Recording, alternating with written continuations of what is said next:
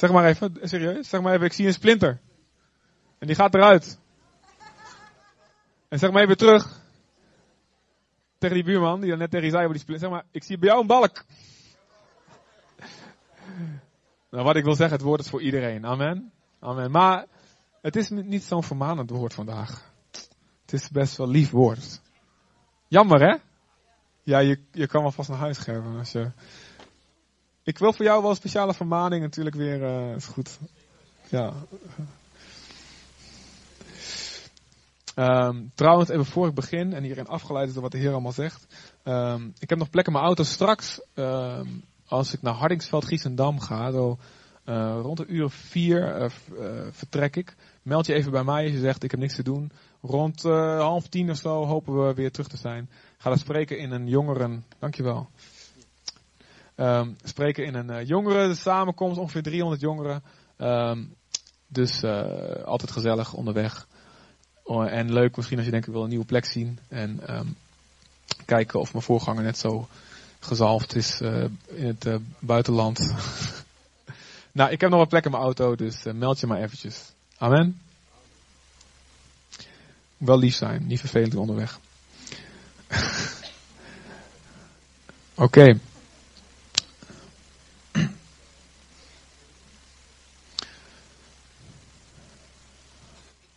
Word een medeleider. Is de titel voor vandaag. Schrijf we vast op, Martin. Word een medeleider. Maar ik bedoel niet met EI deze keer, maar met IJ. Um, in Genesis 6 vers 6. Er staat een tekst die uh, heel veel zegt over God. En ik vind het heel mooi wat Dana net vertelde. Want soms kunnen we het idee hebben van God die afstandelijk is. En die een soort onbewogen, ja, rots. Hij is ook wel een rots, zeg maar. Maar die een onbewogen, robuuste iemand is die het eigenlijk niet zoveel kan schelen wat er hier gebeurt op aarde. Zo van jongens, uh, goed, uh, als het niet goed gaat en als je zondig, ja goed, weet je, dat is je eigen probleem. Ik zit hier lekker op mijn troon en ik heb uh, mijn engelen die me dienen en je zoekt het allemaal maar uit. En goed, als je bij me wil komen, ja prima, maar en we kunnen heel veel beelden van, van wie God is, van het hart van God, kan in ons overblijven. Van allerlei verschillende richtingen, misschien van een stukje traditie, christelijke traditie, die niet helemaal naar Gods woord was. Of iets wat, wat, wat nog een overblijfsel is, zelfs van de Germaanse of Griekse goden, wat door de eeuwen heen is doorgegeven, ook nog in onze cultuur. Maar als je naar de Bijbel kijkt, dan zie ik een bewogen God. Dit is belangrijk. En misschien denk je van, ja, daarvoor hoeft het niet naar, nog naar de dienst te komen om dat te horen. Nee, ik denk dat het belangrijk is dat wij een, een, een diepere openbaring krijgen van het hart van God. En van zijn letterlijk bewogen zijn, bewogenheid met de mens. En kijk eens in Genesis 6 vers 6. Toen uh, God zag de ellende die de mens aanrichtte. Dit is vlak voordat de zonsvloed komt en God Noach roept om de ark te bouwen. God bekijkt de aarde en toen staat er, toen berouwde het de Heer dat hij de mens op de aarde gemaakt had. En het smartte hem in zijn hart. En een nieuwe vertaling staat, hij was diep gekwetst. Moet je eens voorstellen, als jij uh, een Lego, ga even allemaal terug in de kindertijd. Als je Lego had tenminste. Je, uh, of Playmobil. Ja, dat is altijd twee kanten Lego en Playmobil. Kampen hadden we altijd in. Uh, in uh, wie is voor de Playmobil? Wie is er van de Lego geweest vroeger? Lego. We zijn een Lego kerk. Victor zoek maar andere kerk. Het is een Lego kerk.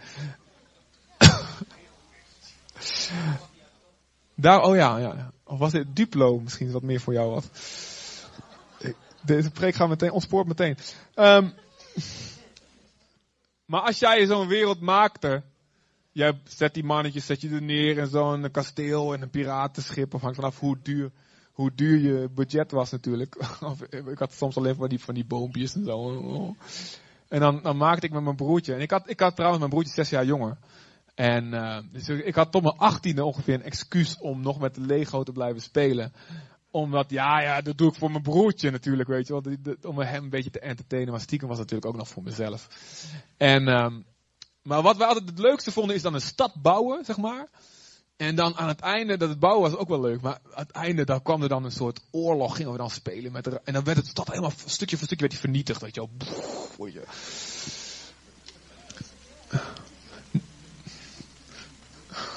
Ja? Zit jij, jij ook? Sim City, oh, dat is helemaal, eh, ja, met die, Godzilla's die er door de stad lopen. Ja, goed. Dit, oké, hier, hier, orde, in Jezus naam. Maar weet je, dat is dus niet, even duidelijk, dat is niet hoe God tegen de aarde aankijkt. Nou, ik schep eventjes uh, de aarde en, uh, nou, weet je wat leuk idee is, een boom. En als we daarvan eten, vernietiging, pff, weet je wel. Haha, nou maken we weer een nieuwe. Jammer dan. God is heel, heel, heel, heel, heel erg betrokken bij alles en iedereen. Als je eens kijkt, hij maakt de mens. En hij ziet de gevolgen van de zonde. En er staat hier eigenlijk dat het snijdt hem door het hart wat er gebeurt. Wij mensen hebben een beperkte capaciteit om in te leven, in te voelen bij andere mensen. Amen. En gelukkig maar, want als wij alles zouden voelen wat God voelt, zouden we niet aankunnen. Dat is heel, heel, duidelijk. Je moet God zijn om alles te kunnen voelen. Alle pijn van alle mensen, van alle eeuwen te kunnen voelen. En het aan te kunnen. En niet te flippen, niet eronder te bezwijken. Daar moet je God voor zijn. Maar we zien hier heel duidelijk, want wij denken vaak, wij benaderen God menselijk. Ja goed, ik kan niet, ik kan niet, ja, ik bedoel, ik kan niet met iedereen ja, verschrikkelijk vinden wat wat, alles wat ik hoor. Want dan zet je het nieuws aan en dan 3000 doden en dan oh, een ramp daar en een verkrachting hier en een roofoverval daar. We kunnen op een gegeven moment dat niet meer aan. Maar onbewust gaan we misschien denken dat God ook zo is. Oh, wel, grote ramp daar, 100 doden. En, en daar sterven er zoveel aan kanker in dat land per dag. En per zoveel komen erom door criminaliteit in, in, in de wereldsteden, in de sloppenwijken, armoede. We denken dat God is zoals wij.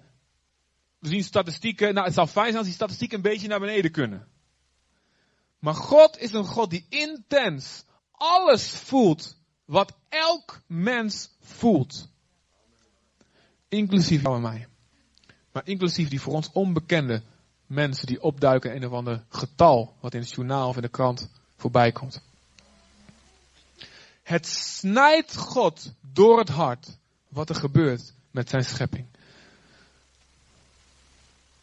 En dan is het misschien heel raar om daarna te denken. Goed, daarna kwam dus de zondvloed. Maar God zag dat niemand, niemand zijn hart, tenminste erop probeerde te richten, het goede te doen, behalve Noach. Omdat God dat zag bij Noach, zegt Noach, met jou ga ik opnieuw beginnen. Wij weten niet hoe het geweest was als er geen zondvloed was geweest, maar we, laten we maar vanuit gaan, gewoon God vertrouwen, dat het anders nog verschrikkelijker zou zijn geweest. Als die generatie van toen de basis werd van de wereldbevolking daarna. Maar waar het om gaat hier, is duidelijk te maken. God is een betrokken, meevoelende, meelijdende en meeverheugende God. Met een ieder van ons. In Psalm 145 vers 9 staat, goed is de Heer over alles en over allen. En hij ontfermt zich, misschien kan je de nieuwe vertalingsstandaard uh, doen, uh, Anton. Um, de MBV, nou goed. Hij, God ontfermt zich over al zijn werken. En het woord wat hier staat in de oude vertaling, barmhartigheid. En volgens mij staat het in de nieuwe vertaling, MBV, staat um, ontferming. Lukt dat de, nieuwe, de MBV, Anton? Ja. Um, dat, dat woord wat daar gebruikt wordt, is in het Hebreeuws regem. En dat woord komt van baarmoeder. Dus het gevoel, dat gevoel wat God heeft, de ontferming van God. Dat woord komt, dat het spreekt eigenlijk over God, de zorg. En ik denk alleen, alleen moeders dat kunnen snappen. Ik bedoel, ik ben ook net weer vader geworden voor de derde keer. En ik voel ook van alles bij die kleine. Maar ik moet eerlijk zeggen, ik denk dat een man niet eh, kan voelen wat een vrouw voelt. Want het is uit je eigen lichaam gekomen.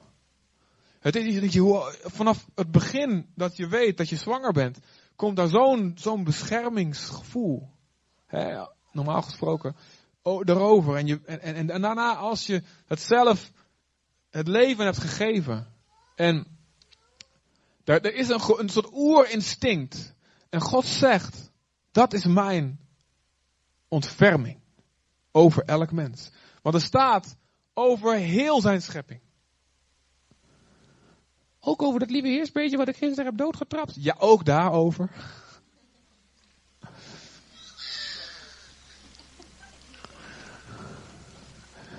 Ook over die mug.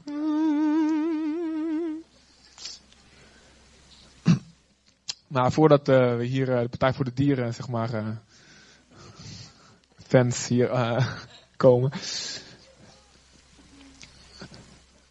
God ontfermt zich over heel zijn schepping. Hij heeft een. Waarom? Alles komt uit hem voort. Alles komt uit zijn moederschoot voort. Alles komt uit hem voort. En hij heeft een intense, intense betrokkenheid bij alles wat hij voortgebracht heeft. Moet je eens kijken in Jezaja 63 vers 9. In al hun benauwdheid. Uh, Jezaja 63 vers 9. In al hun nood was ook hij zelf in nood. Hij spreekt over het volk Israël. Zij werden gered door de engel van zijn tegenwoordigheid, van zijn aanwezigheid. In zijn liefde en mededogen heeft hij hen zelf verlost. Hij tilde hen op en heeft hen gedragen alle jaren door. Hele mooie, mooie tekst. Hè? Maar kijk eens, in, in de nood van Israël was God zelf in nood. Is God dan in nood? Zit hij op zijn troon en heeft hij het helemaal zo, oh, zit hij ineen gedoken dat hij niet meer weet wat hij moet doen? Nee, hij is God. Hij is almachtig. Hij heeft nog steeds alles onder controle. Maar als hij ziet dat zijn geliefden in nood zijn. Omdat hij, omdat, omdat wij uit hem voortgekomen zijn, hij, voelt hij diezelfde nood, diezelfde benauwdheid, diezelfde pijn. Hij lijdt mee. Hij is een medeleider. In 2 Korinthe 1 vers 3 wordt God genoemd de vader van alle barmhartigheden. Of in een nieuwe vertaling, de Vader die zich over ons ontfermt. Al elk gevoel, en de, wat er letterlijk staat, hij is de Vader van alle ontferming. Oftewel, elk gevoel van meeleven en van meelijden en van invoelen en empathie wat een mens heeft. Ook de mensen zonder God. De enige reden dat het gevoel bestaat is omdat het bij hem vandaan komt. En hij is de vader van al die gevoelens in ons. Dus laat niemand zeggen van God is een koude God, en God is een harde God. Weet je, het enige, enige reden dat jij kan meevoelen met een beperkte niveau wat je doet, is omdat God in zijn genade jou een stukje van zijn karakter heeft gegeven. Ook de ongelovigen. Het kan natuurlijk afstompen. En er kan een heel dikke eeltlaag over dat gevoel komen. Maar God is de vader van alle barmhartigheid, van alle ontferming. Hij is degene die voelt wat mensen meevoelen. En ook hier weer, het woord in het Grieks, oiktirmos, kun je meteen weer vergeten, behalve als je nog een naam zoekt voor je volgende baby. Diep meevoelen in de moeilijkheden van mensen betekent dat. Een diep meevoelen. Moet je kijken, Psalm 56 vers 9, een hele mooie omschrijving. Hier spreekt David tot God. En dan zegt hij, mijn opzwerf, om, omzwervingen heeft u opgetekend. Vang mijn tranen op in uw kruik. Staat dat niet allemaal in uw boek? Moet je je voorstellen, God heeft een soort logboek. En al jouw omzwervingen zijn bekend bij God. Je zit hier en misschien denk je, maar niemand weet waar ik vandaan kom. Niemand hier weet wat ik meegemaakt heb. Niemand weet wat het me kost om nu mijn hand omhoog te doen. En God te aanbidden. Want niemand hier begrijpt hoe moeilijk dat nu op dit moment is om God te blijven vertrouwen. Niemand weet. Iedereen denkt, oh jij hebt het zo makkelijk. En je hebt, ja, jij hebt, jij hebt een mooi leven, jij hebt een goed huwelijk. Maar niemand weet wat het mij gekost heeft dat, goed, dat huwelijk zo goed te houden. Hoe ik moest sterven aan mezelf. Toen het leek te stranden. Niemand weet waar ik geweest ben en wat voor kromme beelden ik over mezelf heb gehad en over God en over de wereld en over het leven en hoe ik op het punt stond er een eind aan te maken en misschien ook wel geprobeerd heb. En niemand weet mijn omzwervingen. Niemand weet wat voor vader en moeder ik gehad heb. Niemand weet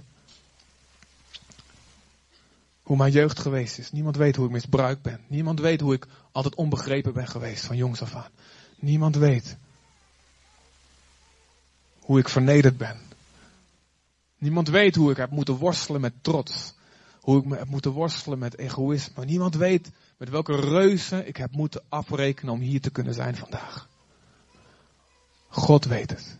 Mijn omzwervingen zijn u niet onbekend. U heeft ze opgetekend. Niemand weet de tranen die ik gehuild heb. Maar God heeft ze opgevangen in een kruik. En bij sommigen is dat misschien zo'n kleintje. En bij anderen heb je misschien een steekwagentje nodig, hoor ik hier. Om de tonnen aan tranen op te vangen. Maar God weet alles. En God vergeet het niet. Alles staat in het boek. Dat is onze God. Laat niks of niemand je vertellen dat God een afstandelijke God is. Dat God een koude God is, een harde God is. Laat niks of niemand je dat wijsmaken. God kent jou vanaf het begin. Helemaal van buiten en van binnenin. Hij kent al je vreugde en al je verdriet. Want hij ziet de dingen die een ander niet ziet. Psalm 139. Psalm 139. Heer, u kent mij. U doorgrondt mij. U weet het als ik zit of sta. U doorziet van verre mijn gedachten. Ga ik op weg of rust ik uit? U merkt het op. En in de andere vertaling staat, u onderzoekt mijn, mijn, mijn gaan en mijn komen, mijn staan en mijn liggen. U onderzoekt dat. Ik ga te denken, weet je, dus God weet of ik nu ergonomisch sta. God weet hoe, hoe sterk mijn spieren wel of niet zijn en waar er een beetje versteviging nodig is. God weet hij onderzoekt, hij weet alles. Met al mijn wegen bent u vertrouwd. Is dat niet, is dat niet bijzonder?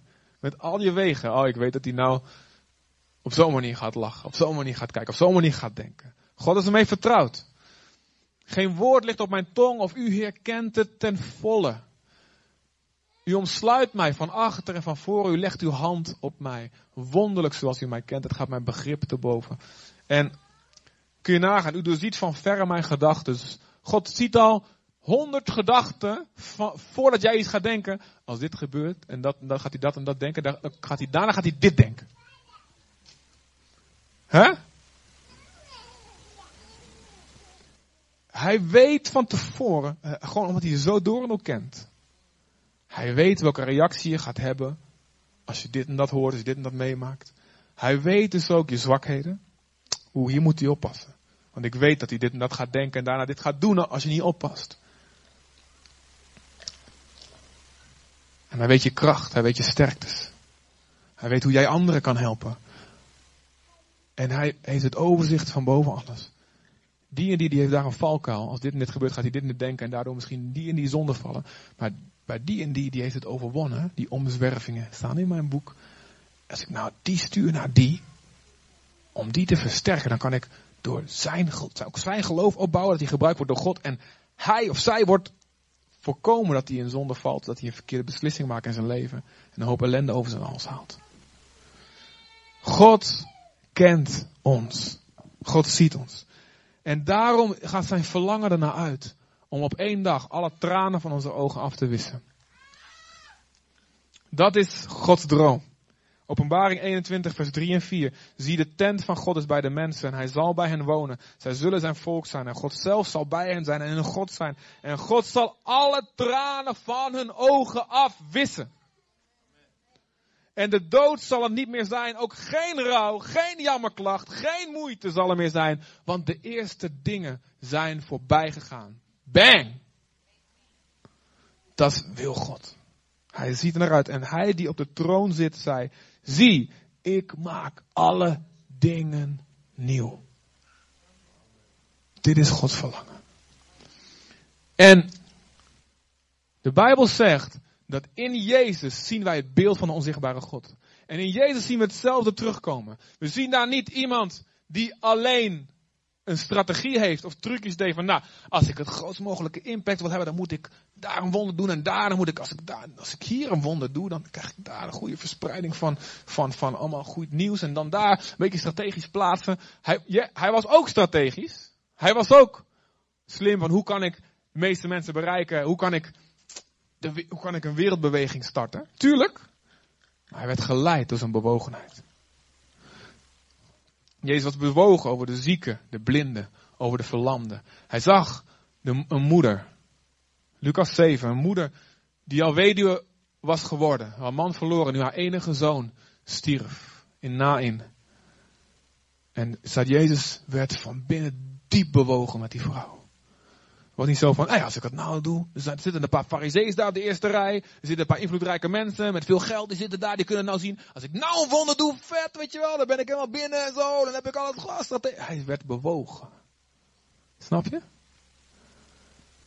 Hij werd van binnen, hij oh heer. Oh, vader. Hier moet iets aan gedaan worden. Dank u. En hij ging. En de zoon stond op uit de dood. En hij werd bewogen over de massa. Dus niet alleen over de eenling, over de massa. Hij zag een massa mensen. En hij werd diep van binnen bewogen, staat er. Want hij zag dat ze waren als schapen die geen herder hadden. En hij ging, terwijl hij moe was, ging hij verder. Ik ga nog maar meer onderwijs geven. En weet je wat? Ik moet discipelen. Mijn discipelen moeten veel sneller klaar zijn. Want die massa is veel te veel. Zelfs voor mij, de zoon van God. Er moeten meer zonen van God komen die mijn werken gaan doen in mijn hart. Het hart van de Vader in zich dragen. Dus de bewogenheid van Jezus die hem daartoe impuls gaf. En God zegt ons. Dus dat is het eerste deel van de boodschap. God ziet jou. God kent jou. En hij heeft alles gezien. En al begrijpt niemand je. Hij begrijpt je. Al kun jij jezelf niet uitdrukken in woorden en je bent gefrustreerd en niemand snapt je. God snapt je. God ziet je. God kent je. En God voelt wat jij voelt. Betekent niet, het feit dat hij het begrijpt, betekent niet dat hij alles rechtvaardigt.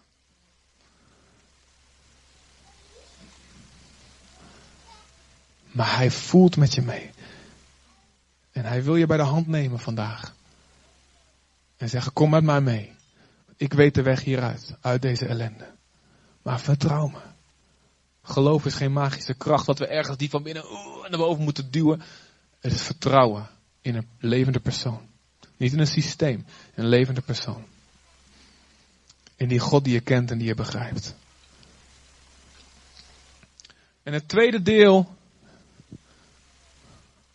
Want als we iets leren kennen over God, zit er altijd iets bij wat, we, wat voor ons is om te doen. Waarin God het oproept om na te volgen is als jij God kent. Als je God zo op die manier stukje bij beetje steeds meer leert kennen. Als de God die je kent, die je meevoelt, die meeleidt. Mede blij is met jou. En mede verdrietig is met jou. En die je die vertroosting geeft, zodat je weet dat hij er altijd is. Word dan ook zelf een beelddrager van God in dat opzicht. Word dan ook een medeleider. Samen met hem voor anderen. Word dan navolgers van God. Staat er. En Romeinen 12 vers 15. roept God ons op. Heel simpel. Verblijd u met hen die blij zijn. En huil mee met hen die huilen. Verblijd u met hen die blij zijn. Huil mee met wie huilen. En God is geen hypocriet. Hij roept ons nooit op iets te doen wat hij zelf niet doet. Maar God is blij als jij blij bent dat hij, yes! Goed zo. Overwinning, doorbraak, goed gedaan. High five uit de hemel. Ik geef wel eens high five aan de hemel. Doe dat wel eens? Misschien doet God het helemaal niet, maar het zit alleen in mijn gedachten. Maar ik vind het leuk, het helpt mij. God vindt wat goed. High five, Jezus! Ja, je wel?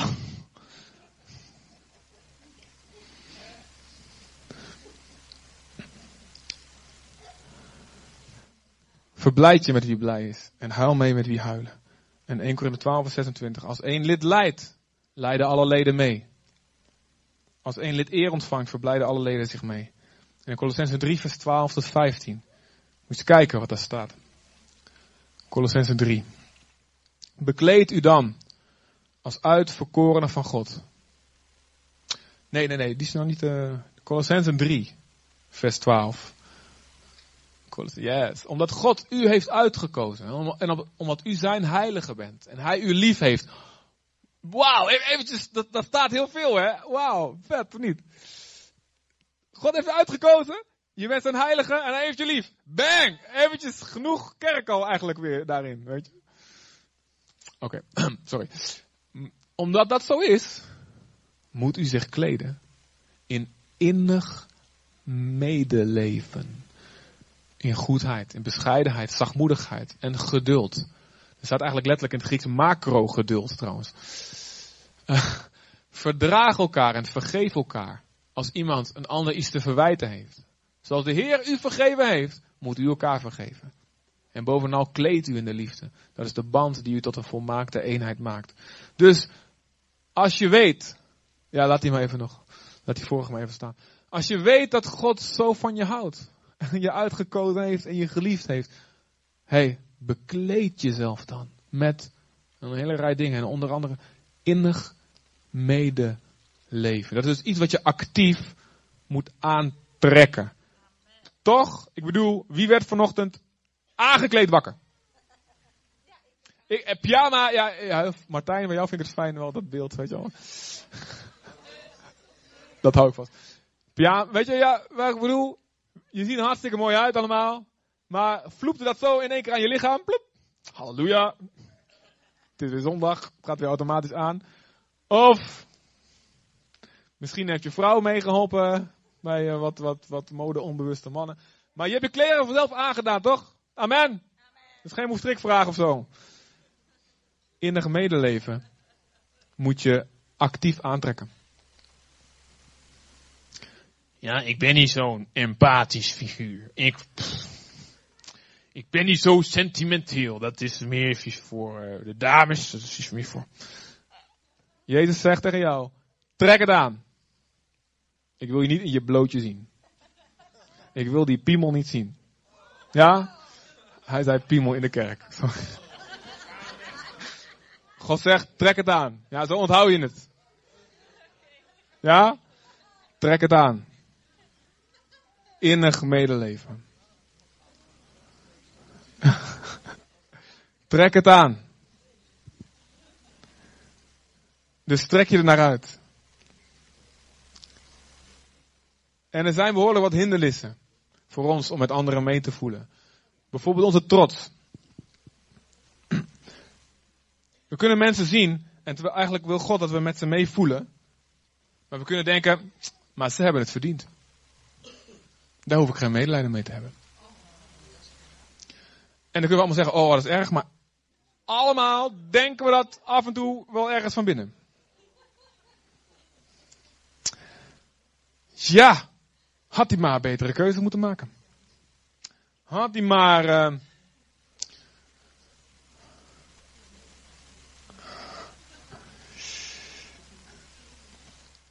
wat je zaait zal je oogsten. En Onbewust denken we daarbij dus ook. En ik heb het dus verdiend om het beter te hebben. Want ik heb wel goede keuzes gemaakt in mijn leven. Ik hoef niks te zeggen. De conclusie wordt hier al getrokken. Luister. En dat kan ook heel erg goed zo zijn. En eh, ik ga het ook zo hebben over. Ja, er zijn natuurlijk ook, ook bepaalde verkeerde vormen van medelijden. Maar weet je, het besef dat alles wat jij goed hebt in je leven, dat dat genade van God is. Dus dat je dat gekregen hebt. Weet je, dat doet wat met je. Dat, dat zorgt dat je niet meer trots kan zijn. Want dan weet je, ik heb het. Zonder God zou ik verschrikkelijk zijn. En al het goede in mijn leven, allemaal de veranderingen in mijn karakter, zelfs dat wat voor mijn bekering gebeurd is, wat goed is in mijn leven, is genade van God. En dat zorgt ervoor, ik kan me niet meer verheffen boven die en die. En bovendien, ik weet niet waar die persoon doorheen gegaan is. Ik weet niet hoe die persoonlijkheid van hun is. En, en, en mensen zijn nou eenmaal echt anders en hebben een andere achtergrond. En al, oké, dan heeft iemand een verkeerde keuze gemaakt. Absoluut. Dan moeten we gewoon ook proberen dat niet, niet, uh, niet weer te laten gebeuren. Maar God zegt, heb, bekleed jezelf met innig medeleven. Bekleed jezelf daarmee. Want wij maakten allemaal door onze eigen stommiteiten een bende van ons leven. Zonder Jezus hulp. Amen. En God heeft ons uit de modder getrokken. Uit het drijfzand getrokken. Hoe, hoe harder we spartelden, hoe dieper we zonken. Maar hij pakt ons. Hij pakt ons. En weet je, dit is wat de enige houding die een christen kan hebben. Trots kan dus, dus verhinderen om die medelijden te voelen, maar ook afgunst. Bijvoorbeeld, je kunt bijvoorbeeld blij zijn. God wil dat je blij bent voor iemand anders. wees blij. En er is een van de hele nare dingen, dat je iets hebt om te vieren, maar je hebt het niemand om, om het mee te delen. Dat is heel verdrietig. En, wij, en God had ons willen gebruiken om met iemand anders blij te zijn, maar wij denken vanuit onze eigen afgunst van dat had ik willen hebben. Oh. En dan worden we boos. En daardoor wordt dat meeleven, ook het positieve meeleven, wordt geblokkeerd. En weet je, dat kan best behoorlijk wat hard te bereiken. Het kan van alles zijn. Ik, ik heb eerlijk, gewoon eerlijk hè, over mezelf, ik kan eerlijk zijn. Ik heb al Piemel gezegd in de kerk, dus ik kan doorgaan met eerlijk zijn.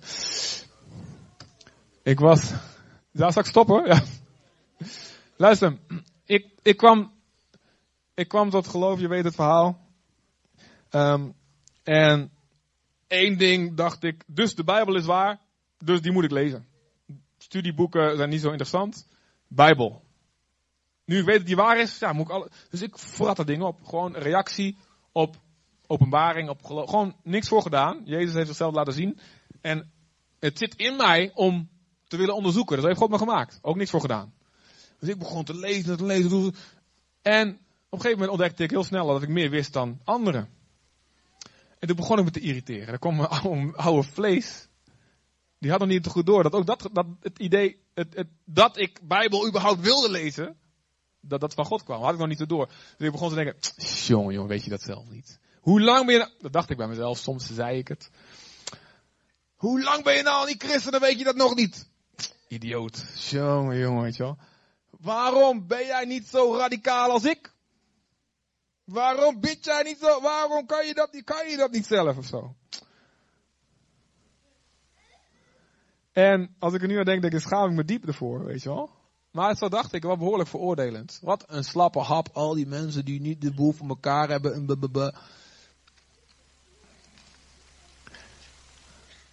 en God heeft me geleerd, en moet me nog steeds blijven leren. Zeg, joh, ik heb begrip voor jou, voor jouw dwaasheden. En God leert me steeds meer mensen te begrijpen. En niet te oppervlakkig allemaal. Ik weet niet al hun omzwervingen. En, en uh, oké, dan, dan nog. Laten ze hun Bijbel verstoffen met een dikke laag. Dan nog. God zegt, heb lief. En ga niet kijken. Heb je wel zelf.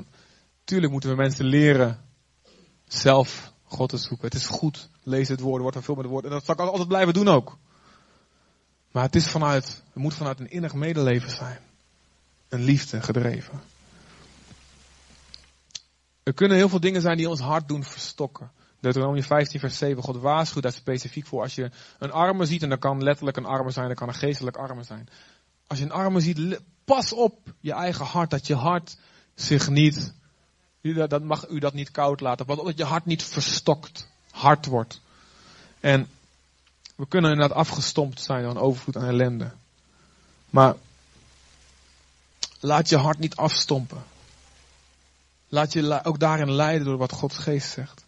In Lucas, nee, ik zal het zo afsluiten. En weet je, God wil dat we meeleven. En het grootste tegenbeeld daarvan is leedvermaak. In het hele boek, Bijbelboek Obadja, moet je maar eens lezen. Dat is één hoofdstukje, maar ben je zo mee klaar. Dat, gaat, dat wordt gesproken niet tegen Israël, tegen, tegen het volk Edom. En het waren een broedervolk van Israël, afstammelingen van Esau. En toen, en het hele boek is een, een bestraffing van Edom. Zei, joh, ik heb Juda, ik heb, ik heb jouw zustervolk, het volk van Israël heb ik gestraft voor hun zonde. Alleen, ik bestraf nu jullie, omdat jullie erbij stonden te kijken en je was van binnen blij. Hé, yes. Als een concurrent volk, ons zustervolk, wordt afgemaakt. En je, je hielp zelfs een handje mee ook nog. Ik moet altijd aan Albert Verlinde denken, dat wordt leedvermaak.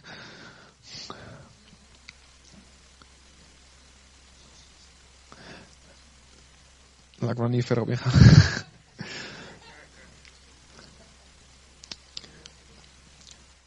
Het is het tegenbeeld van medeleven is leedvermaak.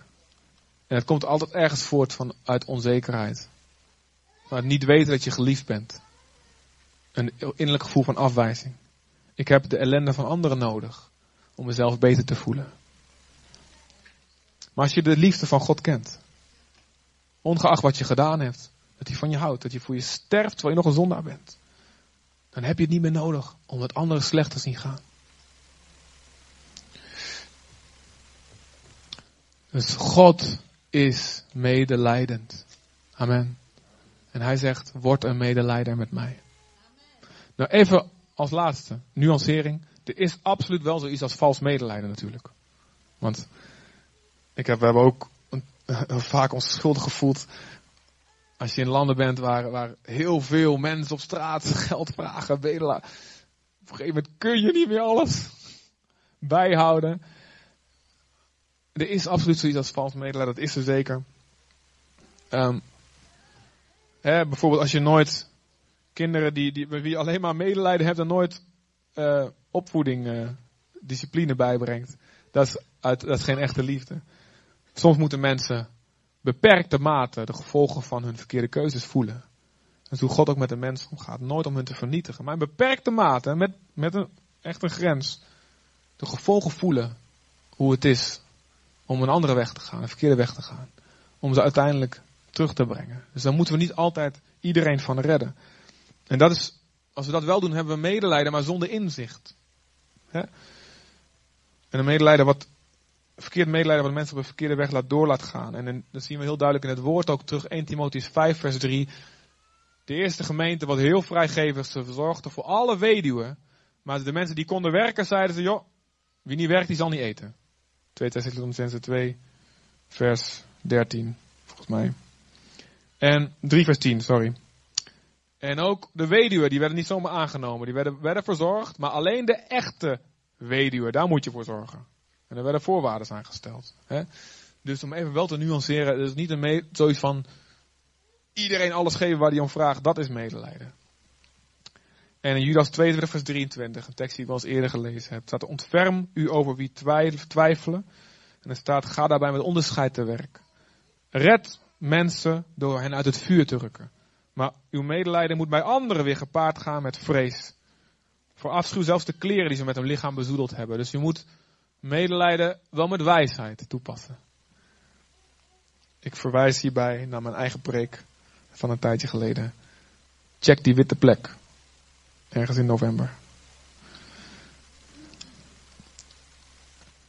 God roept ons vandaag op om een ruimer hart te krijgen. En als afsluiting wil ik daarvoor lezen de bekende gelijkenis van de barmhartige Samaritaan in Lucas 10. Er kwam een wetgeleerde op die Jezus op de proef wilde stellen en hij vroeg, meester, wat moet ik doen om deel te krijgen aan het eeuwige leven? En Jezus antwoordde, wat staat er in de wet geschreven? Wat leest u daar? De wetgeleerde antwoordde, heb de Heer uw God lief met heel uw hart, met heel uw ziel, met heel uw kracht, met heel uw verstand en uw naaste als uzelf.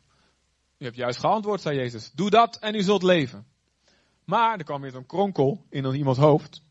Iemand wilde zich, de wetgeleerde, wilde zich rechtvaardigen. Ja, dat betekent dat ik dus weer medelijden moet gaan hebben. Dat wil ik niet hebben. Ik heb een theorie voor mezelf bedacht. je gaat je naaste lief op als jezelf. Maar mijn naaste, dat zijn dus mijn klein clubje mensen. Dat is wat God bedoelt. Dus ik ga dit woord wat hier staat zo gunstig mogelijk voor mezelf uitleggen. Hij wilde zich rechtvaardigen. Doen we allemaal. Zonder Gods invloed op ons leven. Amen. Wie is mijn naaste dan? En toen vertelde Jezus hem het volgende verhaal als antwoord. Er was eens iemand die van Jeruzalem naar Jericho reisde en onderweg werd overvallen door rovers. Klein detail, dat is dus niet goed hè. Hij ging dus weg van Jeruzalem naar Jericho. Hij daalde af. Dus het was, zou je kunnen zeggen, iemand die eigenlijk de verkeerde kant op ging in zijn leven. En die werd dus aangevallen door rovers. Ja, had je maar niet de verkeerde kant op, had je maar naar Jeruzalem moeten gaan. Hij werd overvallen door rovers. Ja, duh, dat gebeurde. Verkeerde keus, eigen schuld. Die hem zijn kleren uittrokken. Er is wat met de kleren vandaag.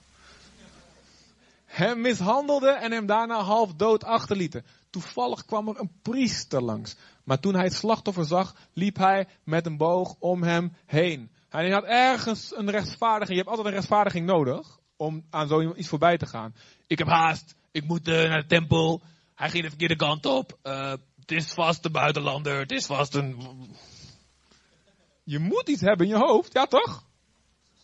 Om de stem van God van binnen te weerstaan. Er kwam ook een leviet langs, maar bij het zien van het slachtoffer liep ook hij met een boog om hem heen. Ik mag niet ceremonieel onrein worden, anders kan ik niet meer in de tempel dienen. Ik word onrein van, dit, van het helpen van die kerel. Een Samaritaan echter, dus dat is een onreine in de ogen van de Joden van die tijd. Een half bloedje. Een, is niks mis mee overigens, tegenwoordig. Halleluja. Die op reis was, kreeg medelijden toen hij hem zag liggen. Let op, hij kreeg medelijden. Innerlijke ontferming, bewogenheid. Hij ging naar de gewonde man toe, goot olie en wijn over zijn wonden en verbond ze. Hij zette hem op zijn eigen rijdier en bracht hem naar een logement waar hij voor hem zorgde. De volgende morgen gaf hij twee denari aan de eigenaar en zei, zorg voor hem. En als u meer kosten moet maken, zal ik u die op mijn terugreis vergoeden. Wie van deze drie is volgens u de naaste geworden van het slachtoffer van de rovers? De wetgeleerde zei, de man die medelijden met hem heeft getoond. Kun je niks meer tegen inbrengen, hè? Toen zei Jezus tegen hem, doet u dan voortaan net zo. Laat ons hart ruimer worden, mensen. Moet ik over elke noodkreet op tv langskomen, moet ik daar geld aan geven? Nee, God zegt, wat op jouw weg komt, wat ik op jouw weg breng, Laat je hart ruim worden. Laat je hart ruim worden. Met wijsheid, maar laat je hart ruim worden. Waarom? God, het hart is ruim voor jou en voor mij. Zullen we staan met elkaar?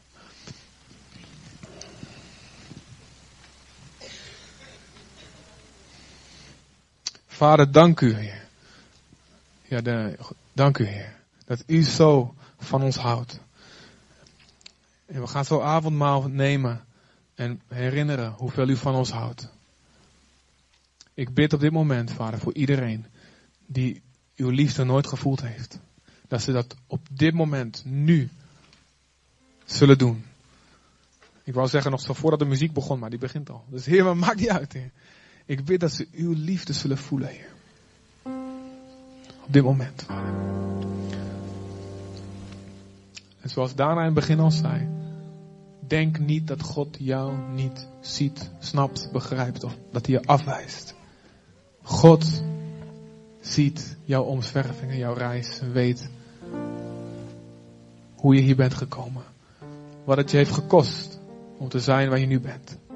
Waar je doorheen hebt geworsteld. In Jezus naam laat die openbaring van Gods liefde voor je zo diep zinken. Vader, Heilige Geest, ik bid dat u helpt dit woord nu een integraal deel van ons te maken.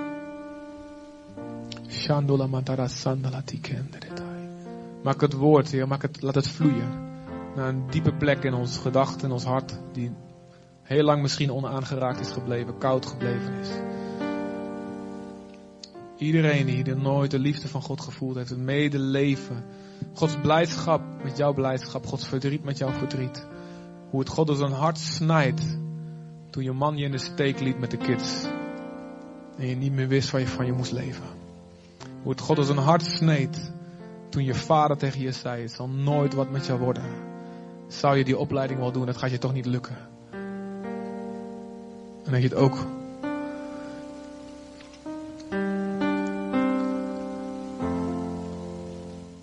in alle gebieden van je leven nog tegenkomt. Op dit moment, het snijdt God door zijn hart.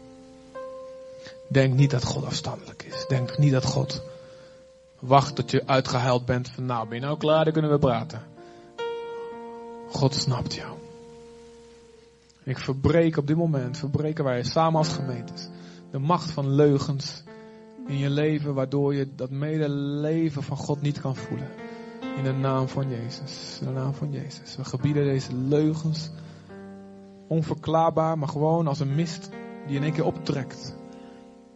En je helder kan zien. Laat zo in Jezus naam de waarheid van Gods liefde voor jou in één keer zichtbaar worden. Spreken tot een mist om op te trekken in je gedachten, in je hart, en je emoties ook. En in Jezus' naam, ik bid dat u mensen nu gaat raken. Die al heel lang niet meer geraakt zijn in hun gevoelens. Die dachten dat ze het niet meer hadden. Kom Heer Jezus. Heilige Geest van God.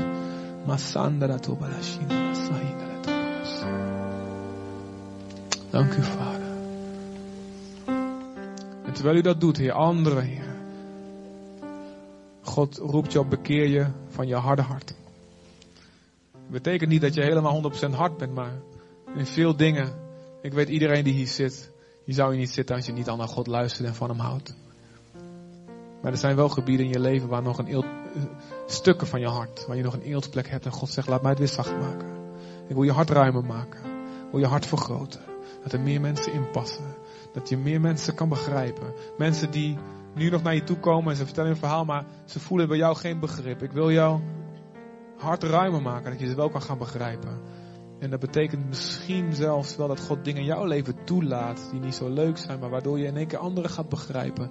Als je lef hebt en God vertrouwt, zeg maar ja tegen dat proces. Zeg maar ja, Heer, ik vertrouw u, Heer. Ik vertrouw u, Heer. U laat me lijken op Jezus. En Heer, wij bekleden ons met innerlijke bewogenheid. Heer, ook als we gedacht hadden dat we een andere persoonlijkheid waren, Heer. En natuurlijk, Vader. Er zijn grenzen en er zijn dingen, ja, we kunnen maar bepaald iets aan. U weet dat, u weet dat, u weet dat. Laat het nooit een excuus zijn voor ons om hardheid van hart in stand te houden. Om niet mee te leven, om niet blij te zijn, niet verdrietig te zijn met anderen om ons heen. Dank u, Jezus. Het medelijden en het medeleven van God, het moedergevoel van God, kwam op een hoogtepunt toen Jezus Christus zonder zonde, 100% God, 100% mens, stierf aan het kruis op een heuvel buiten Jeruzalem. Gods hart ging kapot om het lijden van zijn zoon. Maar er staat, het behaagde de Heer om hem te verbrijzelen. Want het was de straf die ons de vrede bracht, die op hem was. En daarom koos Jezus voor de pijn. Hij koos voor jouw pijn en mijn pijn. En het avondmaal wat we gaan nemen straks, nu, is het gebroken lichaam van Jezus. En het bloed van Jezus. Zodat jij weer verzoend kon worden met de Vader. ik wil vragen of het, eh, een paar mensen het kunnen ronddelen. Als je, of je gewoon de rijen wil doorgaan, misschien vier mensen die het gewoon willen uitdelen. Dan gaan we het samen met z'n allen nemen. Dus wacht even als je het hebt. Wacht even als je ermee houdt gewoon bij je vast. Dan ga ik wel eens naar voren om het te halen, maar dat is, dit is een iets snellere methode.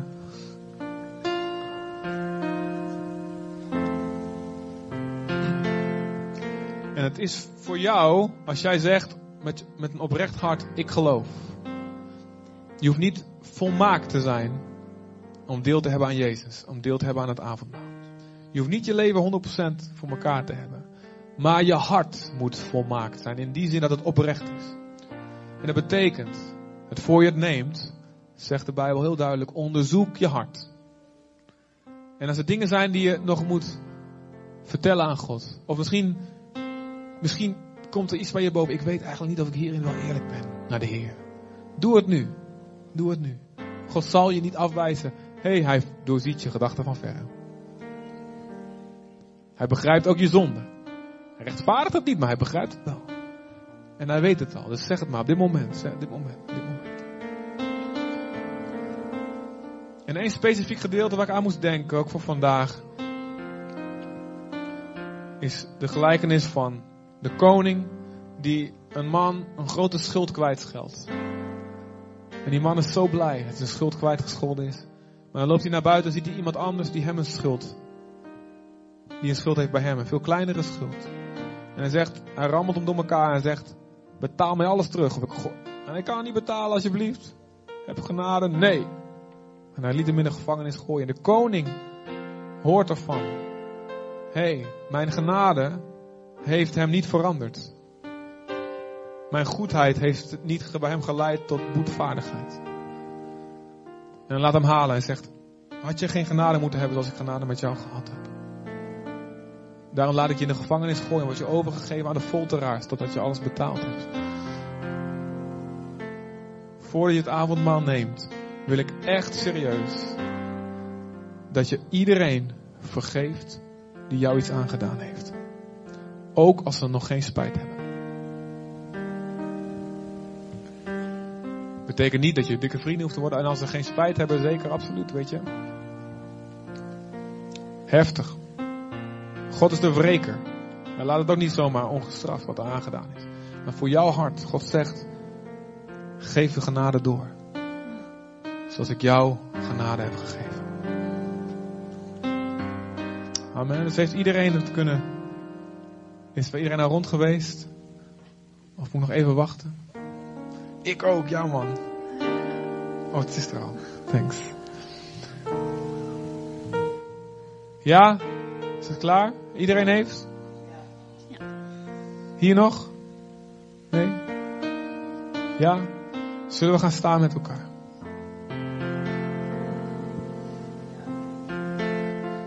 God is goed. God wordt mens. Krijgt een geweldig bovennatuurlijk lichaam. Waarin hij laat zien in dat lichaam wie God is. Eindelijk weten wie God is. Hoe God reageert. Als hij een weduwe ziet die zijn, zoon verliest. Wat doet God dan? Dan wordt hij innerlijk bewogen. En hij doet er wat aan. Wat doet God als hij hypocrisie ziet? Hij confronteert het. Wat doet God als hij alle kronkels in onze gedachten tegenkomt, zoals die wetgeleerde? Hij vertelt het verhaal, precies het verhaal, waardoor het hart van die man helemaal in het licht komt en zegt, man inderdaad, je hebt gelijk, ik moet veranderen. Dat is onze God. En in dat lichaam waarin die God zich heeft laten zien, werd verbroken. Kapot gegezeld. Spijkers er doorheen. Doornenkroon. Het bloed stroomde langs. Hij schreeuwde het uit van de pijn en van een gebroken hart. En er staat, en God behaagde het om hem te verbrijzelen. Dat lichaam, daar ben jij nu deel van, door je geloof. En als je dit tot ons nemen, zeggen we dank u Heer. Dank u Heer. Laat mij zo'n lichaam zijn. Amen. Dank u Heer.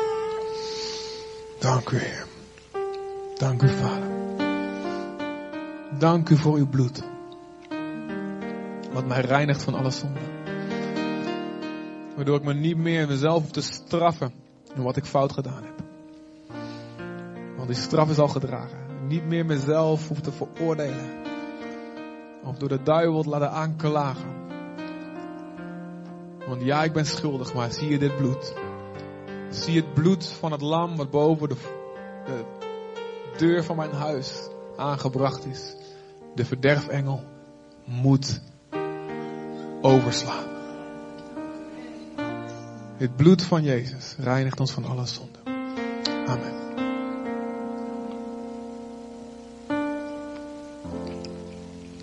Dank u.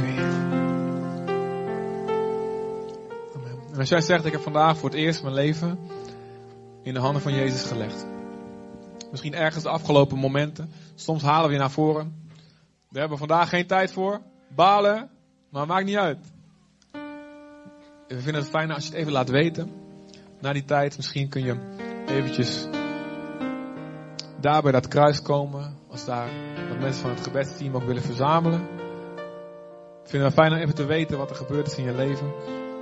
Um, dan kunnen we kijken of je ergens mee kunnen helpen.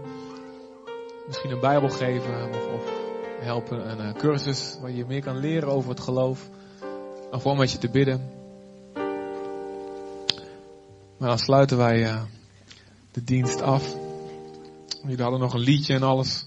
Maar uh, ik kijk even naar de kosters. Hoe staat het ermee? Eén liedje. Ik zie, ik, we krijgen één liedje van Rick. Vind je dat niet cool? We krijgen één liedje van Rick. Oh, wauw. nice. Rick gaat zingen. Oké, okay, nee. Nou, Rick. Dank u, Heer. Dank u. Wat willen we mensen? Een beetje vrolijk nummer of willen we juist een beetje